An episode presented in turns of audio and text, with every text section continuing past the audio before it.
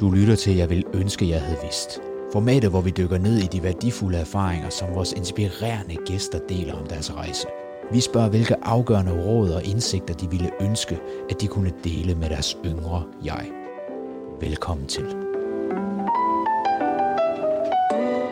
Jeg vil ønske, jeg havde vidst, at 90 procent af de ting, jeg har bekymret mig om i mit liv, aldrig nogensinde skete. Ja. At det var spild af tid. Det ville jeg ønske, jeg havde vidst. Hvorfor har du bekymret dig så meget af mit første spørgsmål så? Mm, jeg tror faktisk overhovedet ikke, jeg har bekymret mig øh, særlig meget. Øhm, jeg tror, der er mange, der bekymrer sig meget mere end mig. Men det, jeg har bekymret mig, har også vist sig at være spild. Mm. Jeg prøvede på et tidspunkt for sjov, øh, ikke sjov, men jeg prøvede at øh, skrive alle mine bekymringer ned, hver gang de var der. Og det er faktisk noget, jeg sådan vender tilbage til at gøre, hvis jeg synes, der er meget. Og det kan jo være alt fra, for jeg skaffede kunder nok. Øhm, var der en beef øh, med hende der? Øh, fyldte jeg for meget til det arrangement? Hvorfor så jeg sådan der ud? Altså, jeg vidste, jeg skulle på scenen. Eller, altså, det, kan være, det kan jo være hvad som helst.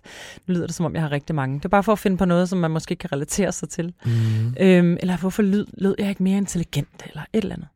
Øhm, men også reelle bekymringer. Hvad må de vender tilbage med med det der? Og må ikke, at det der det ender med at blive noget værre råd? Og så begyndte jeg bare at skrive det hele ned. Mm. Jeg bekymrer mig om det her, eller tænk nu, hvis det her det sker, eller det her det sker. Og så øh, gjorde det en note på min telefon, og så åbnede jeg den cirka en uge efter. Og så tjekkede, hvor meget af det var sket. Og der var bare nærmest ingen af tingene, der var sket. Der var ingen af tingene, der havde, havde hold i sig. Fordi noget var sket anderledes. En havde lige ringet og sagt, øh, ej, det så pissegodt ud. Eller der var en, der ringede og sagde, nej, nej, jeg har den her opgave, som øh, den kan vi bare køre nu i stedet for næste måned. Og oh, det reddede lige måneden. Eller, øhm, eller nej, det, det, altså, jeg vil bare sige, at der, da du sagde det der til mig, det kan godt være, det var lidt hårdt, men du havde fandme ret. Og hvor var det fedt, at du sagde så mange ting til det der arrangement der, fordi der var fandme ikke nogen andre, der turde sige noget. Så det der med, at, øh, at man kan puste ting op og bekymre sig om ting, og 90 procent af det, og det er bare et tal, jeg griber ud, Ja, ja. øh, øh, det er ikke en skid noget, vi behøver at bekymre os om. Nej. Plus at meget foregår ind i hovedet. Nu kan jeg se på de teenager, jeg er sammen med, på grund af, at jeg har teenage døtre, og det deres veninder, og de ting, de bekymrer sig om med deres krop, øh, og, og øh, deres måde at være til stede i livet på. Og siger til dem hele tiden, bare stop det. Bare, altså, selvom det er svært, skriv det ned, få det ud, ja. og så øh, slip det. For når du kigger på det om en uge, så er det ikke nogen bekymring længere. Og hvis det er, så skal du virkelig agere, og det har du helt sikkert også gjort i den forgangne uge, og løs det. Altså, ting løser sig jo. Et skridt ad gangen, en bid ad gangen. Man kan ikke løse det hele på en gang. Alligevel. Har bekymringer stoppet dig, da du var yngre? Eller har du altid også krydset dem og sagt, okay, det kan godt være, at jeg bekymrer mig, men mine bekymringer skal fandme ikke få mig ned med nakken. Jeg gør det alligevel. Og så levede måske lidt mere med, så den her bekymringsrygstik på skuldrene. Jamen, det er nok øh, den bedste beskrivelse, du kunne lave af mig. Nej, bekymringer har aldrig stoppet mig. Øhm, og nogle gange, hvis jeg har åbnet op, og det gør man jo, jeg har nogle rigtig dejlige venner og familie og så videre, hvis jeg åbner op og siger, at jeg er bekymret for det og det og det, så, så kan de næsten ikke kende mig i, i det. Jamen, du virker jo ikke bekymret. Og, men indeni kan jeg jo sagtens have alle de her bekymringer, men det stopper mig ikke. Det gør det virkelig ikke. Øhm, det kan give mig hjertebanken, og gøre mig nervøs og bange, og det kan også få min stemme til at ryste, eller øh, et eller andet. Men, men øh, det stopper mig ikke, og det må det heller ikke. Det må det ikke. Det er, simpelthen, det er jo simpelthen en ting ved mig, at jeg har besluttet mig for, at det må det ikke. Kan du huske en situation, da du var lidt yngre, eller Ja. måske, det kan også være, det behøver ikke være så langt tilbage, men kan du huske en situation, hvor du står i den her tunge bekymring, men faktisk trodser den? Mm. Men altså, det er et virkelig skørt, øh, det er et virkelig skørt eksempel, der kommer op. Men nu er jeg helt ung. Vi er tilbage i folkeskolen. Og jeg kan huske det her, fordi at der var en aktiv beslutning. Og det, det, det synes jeg virkelig er den vigtige del ved det, at vi agerer på de ting, der bekymrer os. For ellers så ligger det bare lurer. Øhm, men øh, jeg havde lånt en, øh, en øh, fyrs trøje inde i den anden klasse. Og øhm, på vejen hjem drikker jeg et eller andet øh, ribena, eller jeg ved fandme ikke, hvad det er. Noget, vi køber op i øh, brusen, øh, ja. der i Græsted, hvor jeg kommer fra. Og jeg spiller ud over hans trøje hans hvide, flotte, flotte trøje. Og altså, vi havde ikke sygt mange penge alle sammen. Altså, vi havde det fint. Men det var en dyr trøje, han havde fået. Og, øhm, og jeg havde lånt den, fordi jeg var lidt forelsket i ham. Og jeg kan bare huske, at øhm, simpelthen var så meget panik over den der plet, der ville komme på den trøje, og hvordan jeg skulle håndtere det og sige det til ham og alt muligt andet.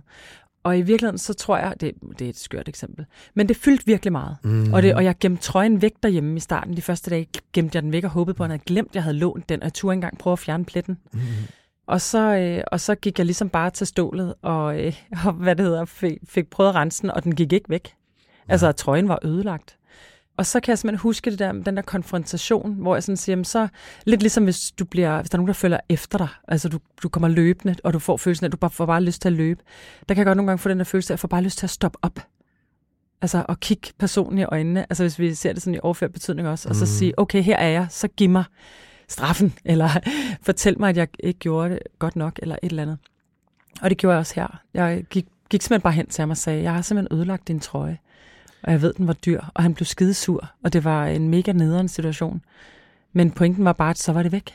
Altså, jeg synes, det er et sindssygt godt billede, fordi vi lægger det væk. Ja. Sådan prøver først at skubbe det mm. væk, sådan, hvis, jeg lægger, hvis jeg lægger det her, den her bekymring over i hjørnet, så, så er den så, der nok ikke mere lige Så er den der nok ikke mere. Mm. Og så kommer vi måske lidt mere i en løsningsfase, når den har ligget og simret og sådan sagt, mm. nå, det var måske ikke løsningen og så handlede du, mm. og øh, til sidst så konfronterede du. Mm. Og jeg tror også, at det, at det jeg måske kan høre også, øh, det råd, du giver med at skrive, det er også at konfrontere det nu. Konfrontere det med det samme.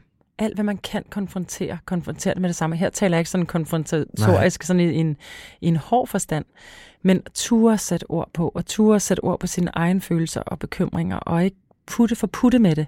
Alt, der bliver forputtet, bliver større. Mm. Intet forsvinder ved at blive lagt ned i skuffen ingenting. Øhm, og man kan sige, at bekymringer løser sig, ligesom jeg sagde i starten, men det gør de altså for mit vedkommende rigtig meget, fordi at jeg øhm, får sat ægte ord på dem. Øhm, og man kan sige, i større skala, jeg har også prøvet at sidde i situationer, hvor jeg var bange for, at min virksomhed gik konkurs. Øh, og at jeg måtte fyre, jeg kan huske på et tidspunkt, jeg blev til at fyre alle medarbejdere, der var vi 12 ansatte, jeg blev til at fyre alle kollektivt, øh, fordi jeg simpelthen ikke vidste, om vi ville overleve øh, virksomheden, øh, på grund af en masse, masse udfordringer. Øh, og øh, der kan man sige, hvis jeg havde strukket den længere, eller prøvet at gemme det længere, eller så havde jeg ikke fundet nogen løsning, eller jeg havde ikke kunne på samme måde møde mine medarbejdere med min egen frygt og skræk og alt muligt andet for den her dumme situation. Men, men tør man det, så møder folk også en et helt andet sted. Altså, hvis jeg nærmest havde ringet til ham, han hed Søren, ham her. Øh, hvis jeg havde ringet til ham, Søren, dengang med den bluse der, og bare sagt, Søren, jeg har spildt på din, jeg har spildt på din trøje. Ja. Altså, dengang ringede man så ikke, som, ja, det gjorde man, men det var for stationær, ikke? øhm, jeg har spildt på din trøje, jeg ved ikke, om jeg kan få det af. Jeg er simpelthen så ked af det. Du skal bare vide det. Altså, mm. øhm, og jeg kommer i skole i morgen, og jeg er ked af det over det. Jeg prøver at få den væk. Altså, jeg lagde, jeg lagde trøjen ned i, øh, jeg kan huske, jeg lagde den aller nederst i en skuffe, og pletten har jo bare sat sig. så det... ja, måske det er et godt eksempel, men, men simpelthen uh, ture spise den der uh, ulækre bid af kagen af ja. det der problem. Bare tag biden. Øhm, og så en bid ad gang. Ja. Og vi alle sammen ender i lort til knæene nogle gange. Det gør vi bare. Altså, intet er gnidningsfrit intet for nogen af os, selvom det ser så let ud udefra. Det er det overhovedet ikke. Så øhm, hvis vi tager den lidt ældre Christina Maj, der mm. går hen og lægger hånden på skulderen af den yngre, hvad siger hun så? Så siger hun, øhm, 90 procent af dine bekymringer er ikke noget i virkeligheden. Det er, det er inde i dit hoved. Få det ud. Få snakket om det. Få sat ord på. Lad være med at få put med det så bliver du gladere. Christina, tusind tak, fordi at du lige vil komme her ind i, ja, vi ønsker, jeg havde vidst. Det var så lidt.